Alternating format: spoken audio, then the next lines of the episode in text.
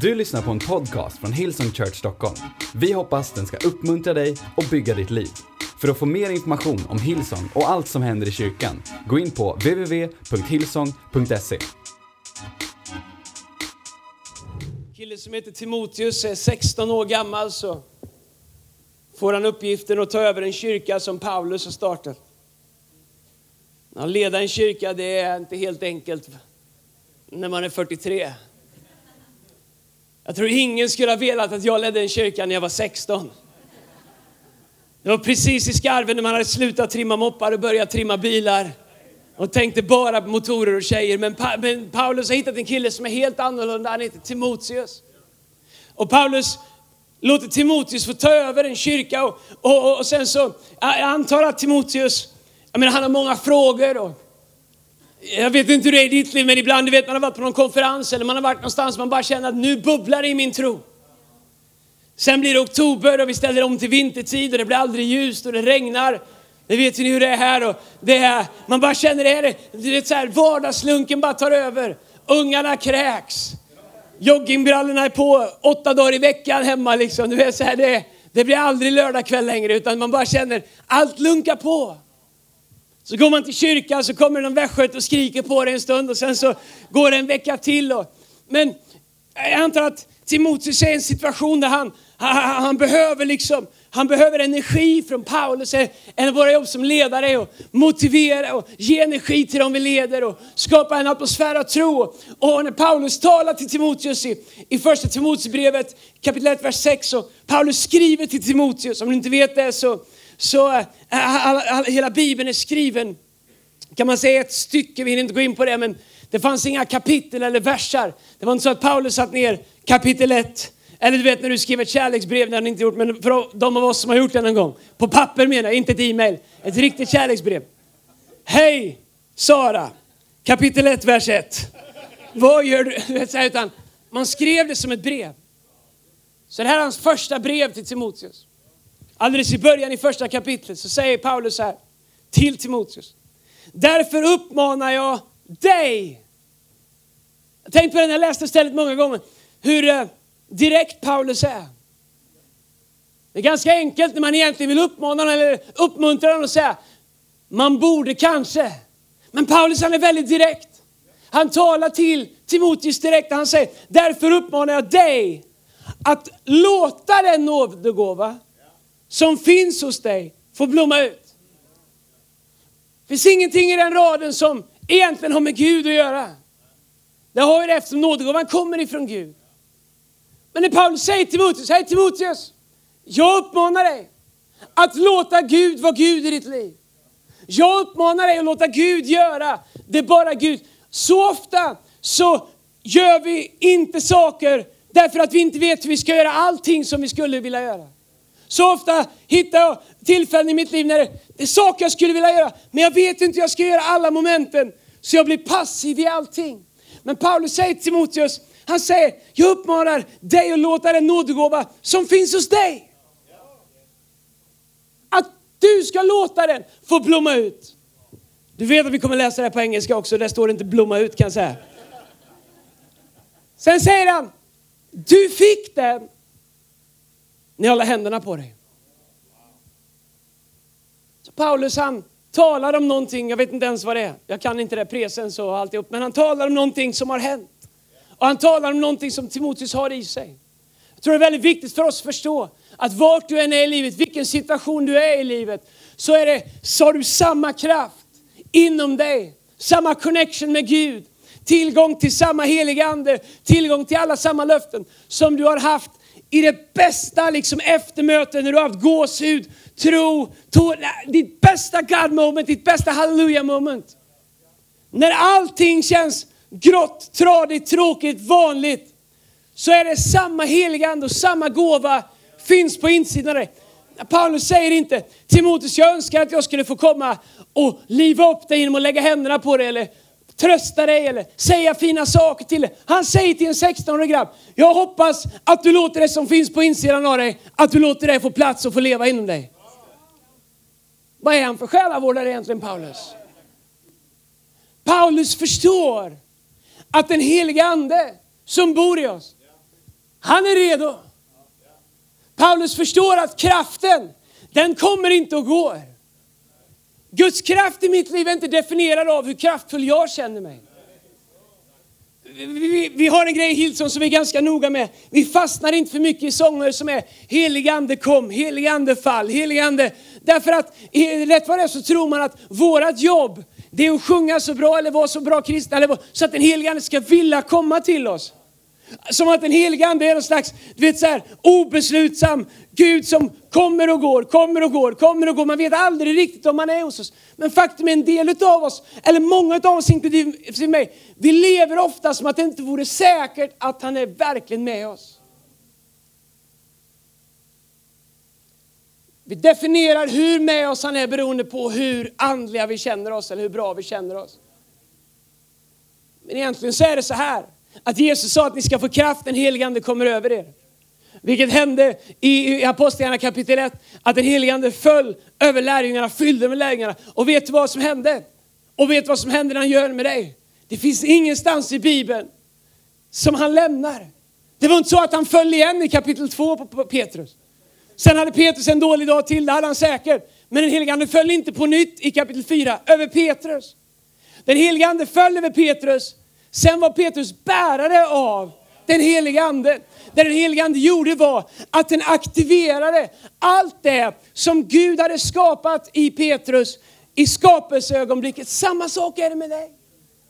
När Gud skapade dig, långt, du kanske har levt hela ditt liv och inte ens trott på Gud. Gud skapade i alla fall, han la gåvor på insidan av dig. Det som händer när vi låter den helige Ande komma in i våra liv är att den helige Ande aktiverar.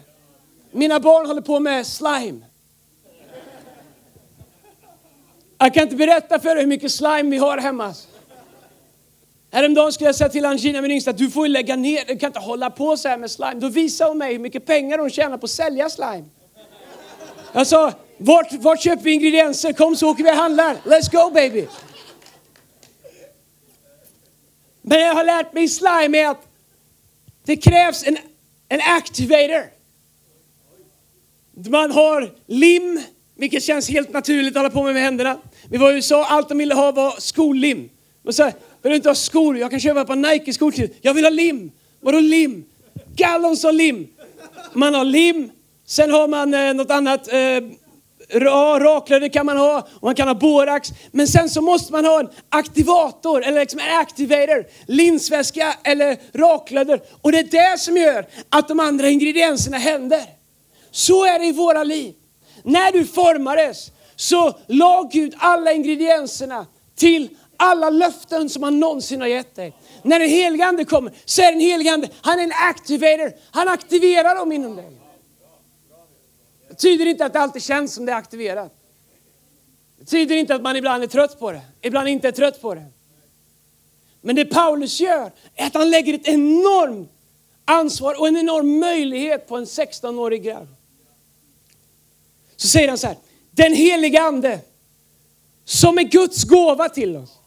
Vilket innebär att det är inte någonting som vi förtjänar. Det är inte någonting som om vi lever tillräckligt bra, om vi tror tillräckligt lätt. Nej, han säger den heliga ande som har Guds gåva till dig, den har inte du med att göra. Du fick den bara, var glad. Den heliga ande som är Guds gåva till oss känner ingen rädsla utan fyller oss med kraft. Det är intressant när han börjar prata om det här så tar han upp rädsla. Vi vet att den största liksom, äh, liksom äh, Eh, motsatsen till tro är rädsla. Den största motsatsen till tro är inte otro. Den största motsatsen till tro är rädsla. Så Paulus adresserar vad det är som får våra gåvor, som får våra längtan, som får våra drömmar att inte ske. Han, han, han pekar på det direkt. Han säger rädslan. Tänk om det inte blir så som jag, som jag vill. Tänk om jag tar ett steg i tro. Tänk om jag söker det där jobbet. Tänk om jag gör det där. Tänk om jag frågar ut henne på den där dejten. Tänk om jag vittnar för den här personen. Tänk om jag ber för den här personen. Tänk om det inte sker. Tänk om jag bjuder in den där till this Christmas och de inte kommer. Det är, det är rädslan. Tro är, tänk om jag bjuder in dem till this Christmas och de kommer. Då är det bäst jag har köpt biljetter, det är bara det att biljetterna är slut. Sa du att vi har mer biljetter? Du sa det? Imorgon släpper vi ungefär 200 biljetter till per föreställning. Vi har lyckats bygga om scenen, flytta om den lite grann så vi har fått loss 200 biljetter. Vi fick förhandla lite med Lisebergshallen. De släpper dem om bitti om du inte har biljetter. Köp dem. Men tro Får oss att se det som att det är möjligt. Vi känner ingen rädsla utan fyller oss med kraft, kärlek och självövervinnelse. Självövervinnelse. När jag läste det i Bibeln tänkte jag, oh wow.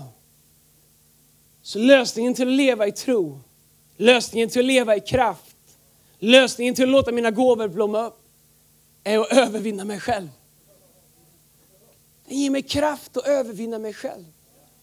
Jag inser att jag själv är den största utmaningen för att leva i allt det som Gud har gjort möjligt för mig. Eftersom jag har så lätt att ta allt det som är Gud och använda mig själv som referens och säga om jag förstår det då är det möjligt. Om jag kan se det då kan Gud göra det. Medan Bibeln säger vad ögat inte har sett, vad örat inte har hört, vad våra människohjärtan inte kan förstå, det har Gud förberett. Och när vi, när, när vi, när vi tar oss själva som allt säger vi Gud kom och fyll mig. Det är ju en fin bön. Kom och fyll mig. Kom och gör allt som får plats i det jag förstår. Kom och fyll mig. Nu förstår jag, nu håller jag med. Nu är jag full, nu är jag, nu är jag fylld, nu är jag med. Men när Gud kommer och gör saker du inte förstår, när det inte känns som det brukar känna, när det inte känns som du vill att det ska känna, då säger vi Gud det är inte du. Gud vart är du? Det känns inte som det brukar. Men det Paulus säger är att den helige Ande ger oss kraft att övervinna oss själva. Jag kan vara ärlig och säga att om jag hade gjort det som hade känts bra för mig de sista tio åren, så hade jag inte varit det jag är. Om jag hade gjort allt som Gud hade velat så hade jag kanske varit mycket mer än vad jag är. Men om jag hade gjort det som var naturligt, det som utifrån mig själv makes sense. Då hade ingenting av det som Gud har gjort varit möjligt i mitt liv i alla fall. Och jag inser när jag läser det här, att det är det här som allting kokar ner till. Mig själv mina tankar, mina referensramar. Och jag inser när jag började tänka på det här för några veckor sedan. Jag talade om det här lite förra söndagskvällen i Stockholm. Jag inser när jag börjar reflektera över det. Hur satta ramar jag har. Hur jag i realtid recenserar vad Gud gör. Det där gillar jag inte. Det kan inte vara Gud. Så där måste, måste man bäras sig åt sådär i lovsången. En del av oss vill se någon annan som ger sig hän i lovsången och tänker det där är ju överdrivet. Det där, sån är inte jag, då är det inte rätt. Någon kommer upp här, en lovsångsledare, som, hon som ledde oss idag, Jessica, hon säger hon känns okej, lyft upp era händer och bara tänker, du, det där är andligt övergrepp, säg inte åt mig att lyfta händerna. Medan om du går på en Gais-match, om det är någon som inte har något bättre för sig, går på en Gais-match och någon säger upp med händerna och alla, alla gör så här, då är, det inget, då är det inget konstigt. För vi har en helt annan referensram. Och andligt, berätta inte för mig vad jag ska göra när det andligt det känns fel. Men sen kan du gå på Frölunda där det står någon stolle som är arbetslös utan tröja på sig och leder klacken och säger lyft, eh, sitt sittplats, ställ er upp, sitt. Ett, Man får inte prata om Frölunda, det kommer in eh, onda saker i det här. Och vi tycker att det är ju helt rimligt. Jag ställer mig upp. Men så, så kommer vi till kyrkan och någon säger, Hey come on church, ska vi stå upp och sjunga? Alltså vad är det här för kyrka alltså? Jag visste att det är något manipulativt, något lurt, det är något som är fel alltså. Snart ska de säkert börja prata om pengar och så kommer det någon från Göten och vill ha kollekt. Det där passar inte in i mina ramar. Och, och ju mer jag reflekterar över det så inser jag att Gud får göra vad han vill så länge jag förstår. Han får göra vad han vill så länge jag kan se det komma. Han får göra vad det vill så länge det, jag, jag kan liksom utvärdera det med, med mina egna erfarenheter. Vet du, hur, vet du hur överreklamerade erfarenheter är? Erfarenhet handlar egentligen om att vara expert på det som redan har hänt. Det är bra med lite erfarenhet, men en del, jag har mycket erfarenhet. Det är bra om jag någonsin vill veta allt som har hänt och ringa dig. Är det någon som har en dröm här inne? Talk to me. Är det någon som har en dröm? Drömmare, de pratar om det som ska hända, det som man vill se ske. Vad ögat inte har sett, vad örat inte har hört. Jag har mycket erfarenhet. Det är viktigt med erfarenhet. Fantastiskt, berätta gärna hur det var. Men, men vi vill gärna se det som inte har hänt också. Och grejen, det som inte har hänt har jag inte sett så det kommer inte automatiskt passa i. Jag predikar en helt annan predikan än jag tänkt. Men det, det, det som inte, jag inte har sett, det kommer jag inte förstå. Så jag kommer automat, min automatiska liksom, tanke kommer vara, Gud kan det verkligen vara på det sättet? Jag vi skulle starta vårt första andra möte, eller första gången vi skulle gå till två möten.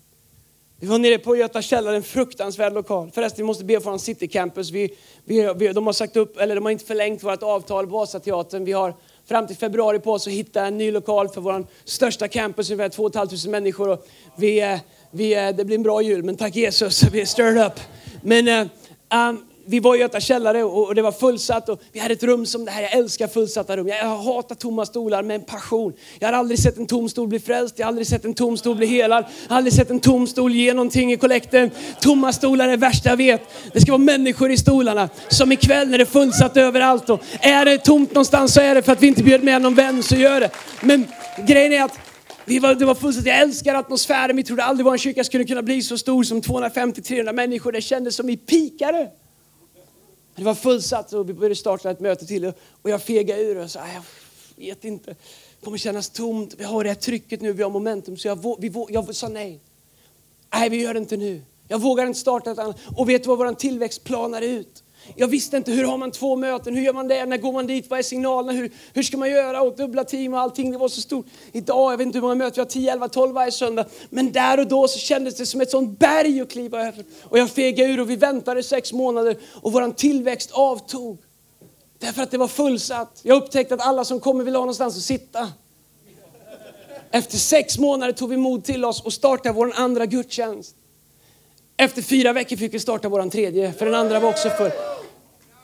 Men jag fegade därför att jag kunde inte se det i min referensrum. Jag kunde inte se det genom mina filter, genom det som var mitt, det som var mitt fönster. Och jag inser att jag, jag lever mitt liv, eh, jag lever mitt liv genom eh, eh någon slags liksom, eh, det är som en toarulle. Jag ser väldigt lite. Och jag tänker att om inte jag ser det så finns det inte. Min utmaning är att våga ta ner den här och, och se allt som jag inte förstår och se allt som jag inte har sett. Och när, du, när du tittar på din framtid om allt du gör, du tittar på din framtid genom det rör som, eh, som är liksom så stort som dina erfarenheter är, så stort som dina preferenser är, så stort som det som du förstår, så stort som det du tycker om. Och du säger Gud gör vad du vill, bara få plats här i, för annars kan det inte vara du.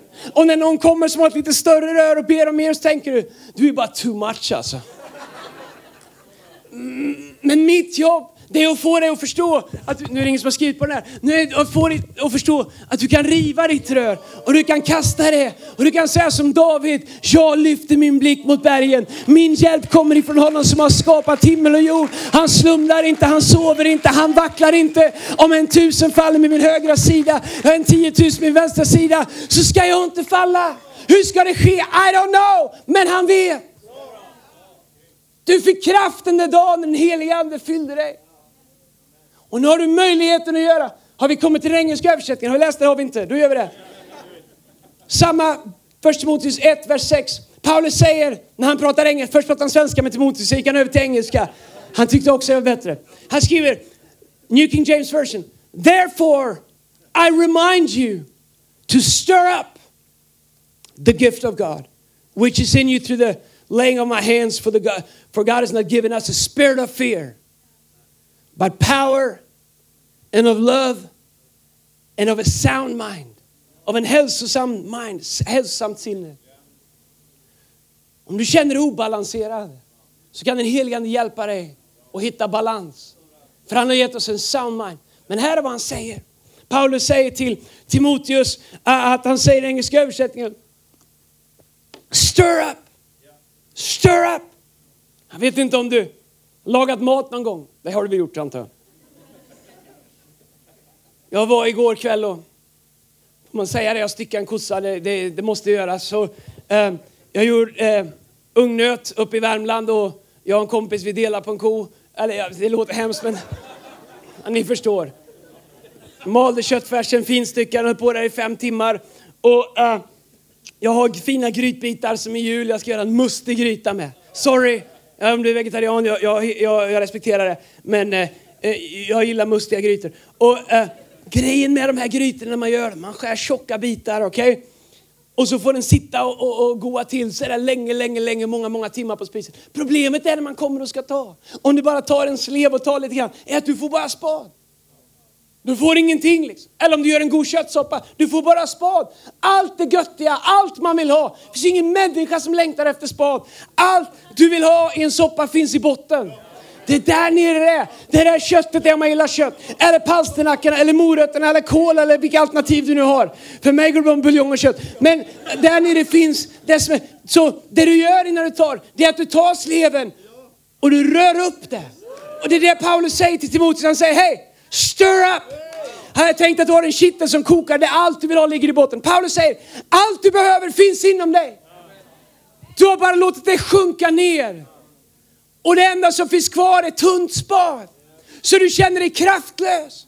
Du känner att det finns inget tungt, du känner att det finns inget att ta på. Du känner att du, du, du trampar vatten, du känner dig maktlös. Paulus säger, hej, bara för att du får spad när du öser betyder det inte att det inte finns kraft längre ner. Så han säger till Timoteus, han säger, be inte till Gud. Han säger inte fasta lite. Det är inte fel att fasta. Men det är inte lösningen på det här. Så det finns saker i vår relation med Gud som du kan inte hålla på och be till Gud om det. Trodde du inte när du kom hit? Utan Paulus lägger ansvaret på Timoteus. Han säger stir up. Stir up the gift of God. Som du fick när vi la händerna på Så jag är övertygad om att om vi förstår det här, om vi förstår kraften i det, och så kommer du sitta i situationer där du bara känner Gud jag behöver din vägledning. Det känns som varje slev jag tar är bara buljong. Ingenting som går att använda, ingen, ingen tro. Du känner att fruktan börjar närma sig. Min vän, då kan du göra som Paulus säger till Timoteus. Du kan sluta dina ögon och säga jag vet att jag fick den helige ande när jag blev andedöpt, när jag tog emot den. Jag vet att jag har fått kärlekens ande, självövervinnelsens ande, kraftens ande. Jag har ingenting att frukta. I'm gonna stirred up. Och så kan du på insidan börja låta saker och ting får växa. Och det som tidigare bara kändes som buljong börjar kännas mustigt, går att ta på, ger kraft och näring. Du har det inom dig. Allt vad du behöver för att leva det liv som Gud har kallat dig till finns inom dig. Du behöver inte kyrkan för att få det. Du behöver kyrkan för att lära dig att använda det och för att kunna betjäna den övriga kroppen med de gåvorna du har fått. Men det är inte så att ju mer du går till kyrkan, ju mer gåvor du får. Gud har lagt det inom dig redan. När du lär dig att aktivera dem, när du lär dig att förstå att det är upp till dig att sätta dem i rörelse. Att den helige Ande är redo, han ligger i startgroparna. Nu ska jag inte böja mig ner för jag har så ont i ryggen från igår. Då kommer jag inte upp. Den helige Ande är redo att aktivera sig. Han är redo att göra sitt. I samma ögonblick som du gör anspråk på honom. I samma ögonblick som du börjar förstå vad han har gett dig. Han talar till Timoteus, en 16-åring som ska leda en kyrka i Efesus i Turkiet. Så inser man att Paulus har väldigt stor tilltro till den helige Ande. För det första för att han följer Andens ledning och sätter en 16-åring in charge. Men han uppmanar Timoteus att ta ägandeskap över sitt liv. Att ta ägandeskap över sin situation. Att ta ägandeskap över sitt behov. Att allt det han behöver finns där för honom. Att aktivt hålla sig brinnande. Att motstå fruktan. Förstå, fruktan det är ett litet mörkt rum där tvivel bor. Fruktan, vi har det allihopa. Det är ett rum i våran själ om du öppnar och tittar in så står Mr Tvivel där inne redo att sälja allt han har till dig. Men det Paulus säger att han har gett oss en ande av självövervinnelse och kraft så att vi inte behöver drivas av fruktan. Vi behöver inte låtsas om att vi inte utmanas av den eller att vi har den. Men vi behöver inte låta den vara ledande i våra liv. Vad driver dig? Vad bestämmer tillståndet i ditt inre liv? Omständigheter, personlighet, erfarenheter. Så, så ofta så låter vi den heliga ande definieras av vår personlighet. Kanske inte tror det, men jag är egentligen väldigt introvert. Jag vet inte varför ni skrattar. Om, om jag kommer på en fest hemma hos dig så är chansen stor att jag sitter i hörnet på en soffa och pratar med en person. Jag är aldrig centrum av, av ett party, det är inte min grej. Jag är ganska introvert. Bästa jag vet är att åka bil själv. Säg inte det till min fru. Jag tycker om när hon är med också. Men jag ska köra hem till Stockholm ikväll och jag kan riktigt längta. On the road again. Sitta där tyst, inte ens P1 på. I love it. Men när jag kommer upp hit så är min gåva det som Gud har kallat mig till. Jag kan göra det, för Gud har kallat mig till det. Men det är inte mitt normaltillstånd. Så jag kan inte säga att min personlighet får definiera vad jag låter Gud göra. När vi säger jag är inte, jag är inte sån, så jag kan inte göra det. Jag är, jag är inte sån så den helige Ande kan inte använda mig till det. Så låter vi vår personlighet begränsa vad Gud har kallat oss till att göra. Du kan definiera ditt inre liv själv. Antingen kommer din själ och dina känslor bestämma din andes tillstånd. Eller kan du låta din ande, Gud i dig, definiera ditt livs inriktning och kurs. Nej, jag säger inte det att om man är fylld av den helige Ande så har man aldrig negativa känslor eller utmaningar. Det är inte det jag säger. Vi är ingen kyrka där man inte får känna. Men jag är också estet, mina åker berg och dalbana. Men det betyder inte att de behöver vara de som, det som definierar mitt liv. Det betyder att Guds ord när jag läser det kan definiera vem jag verkligen är. Ibland får jag till och med säga till mig själv, jag är inte som jag känner mig, jag är vad Gud säger att jag är. För om du ringer mig imorgon bitti när jag predikat hela dagen och kommit hem sent i natt så vill jag inte göra någonting mer i Hillsong på länge. Men jag vet att come, come Thursday och det börjar krypa i preaching-tarmen igen och jag känner kan det inte bli söndag. Jag har ett ord som jag måste få leverera som jag hoppas kan hjälpa någon. Men på måndag är det inte samma sak. Jag kan inte låta mina känslor definiera. Men om jag skulle låta måndagen ta över mitt liv. Du förstår, fram på tisdag så måste jag börja läsa Bibeln. Låta Guds ord ta tag i mig. Fram på onsdagen så känner jag, vet du vad, nu måste det få börja bubbla i i mig. Öppna upp mig för den helige Ande. Studera skriften. Annars kommer måndagen ta över mitt liv. Och jag kommer gå hemma och påta i min bastu som jag aldrig blir klar med. Att ha känslor är helt oproblematiskt. Det är normalt. Men att låta känslorna styra är att sätta den helige Ande i baksätet och din själ i framsätet. Båda får plats. Profeten Jeremia han förslut, försökte sluta tala Guds ord. Han sa, ah, I'm done. Jag är trött på dem alltså. Hade ordet pucko funnits hade det stått i Bibeln där i Jeremia. Han var så trött på dem alltså. Men han sa att när jag bestämde mig för att vara tyst så var det som att eld sköt upp i mina ben. Gåvan gör anspråk på profeten. Gåvan utmanar hans känslor. Han säger det var som att eld sköt upp i mina ben och jag var tvungen att tala. Jag var tvungen att predika. Lärjungarna som hade sprungit och gömt sig efter att de blev fyllda av den helige Ande så säger de, vi för vår del, vi kan inte hålla tyst med vad vi har sett och hört. De sa till dem att lugna ner sig och vara lite tysta. De säger, du vet, ni kan säga vad ni vill, vi kan inte det vi har sett och hört. Det har förändrat oss för alltid. Vi kan inte låta bli att berätta om vad vi har sett och hört. David, han kunde inte stå passiv inför Goliat. Daniel, han vägrade att be till en avgud. Han kunde inte böja sig för en avgud, även om det betydde lejonen. Josef han vägrade att släppa taget om sin dröm.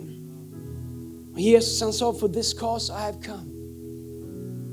Min vän, det finns ett liv att leva där du förstår kraften av den heliga Ande på insidan av dig. Där du kan leva ett liv som är så mycket mer än vad vi trodde var möjligt. Det betyder inte att du inte kan jobba på bank eller på förskola eller köra post eller vara sopbil eller whatever. Men där var du än lever så kan du bestämma dig för att stir up the gift of faith. Stir up the Holy Spirit.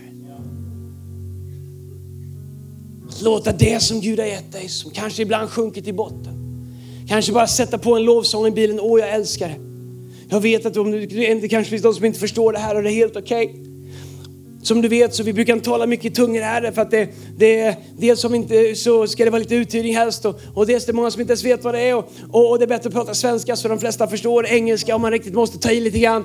Men, men när jag sitter i min bil och jag älskar att sätta på en lovsång och, och låta mitt bönespråk flöda på och jag bara känner att det är som att köra ner en stor slev i min andes gryta och låta kalopsen få röras upp och jag känner hur bitarna kommer upp och när jag känner, när jag kan sitta ibland och känna hur ska det gå? Vi har ju ingen byggnad och hur ska det gå? Vi har ingen ledare där och hur ska det gå med kidslokal där? Hur ska det gå med det? Allting hopas över och allting är, hur ska det gå med min barn? Hur ska det gå med utmaningen i skolan just nu? Hur ska det gå med det? Hur ska jag få henne att tycka att den där, den där killen ska hon inte bli kär i? Det är, allt, det är 20 år för tidigt.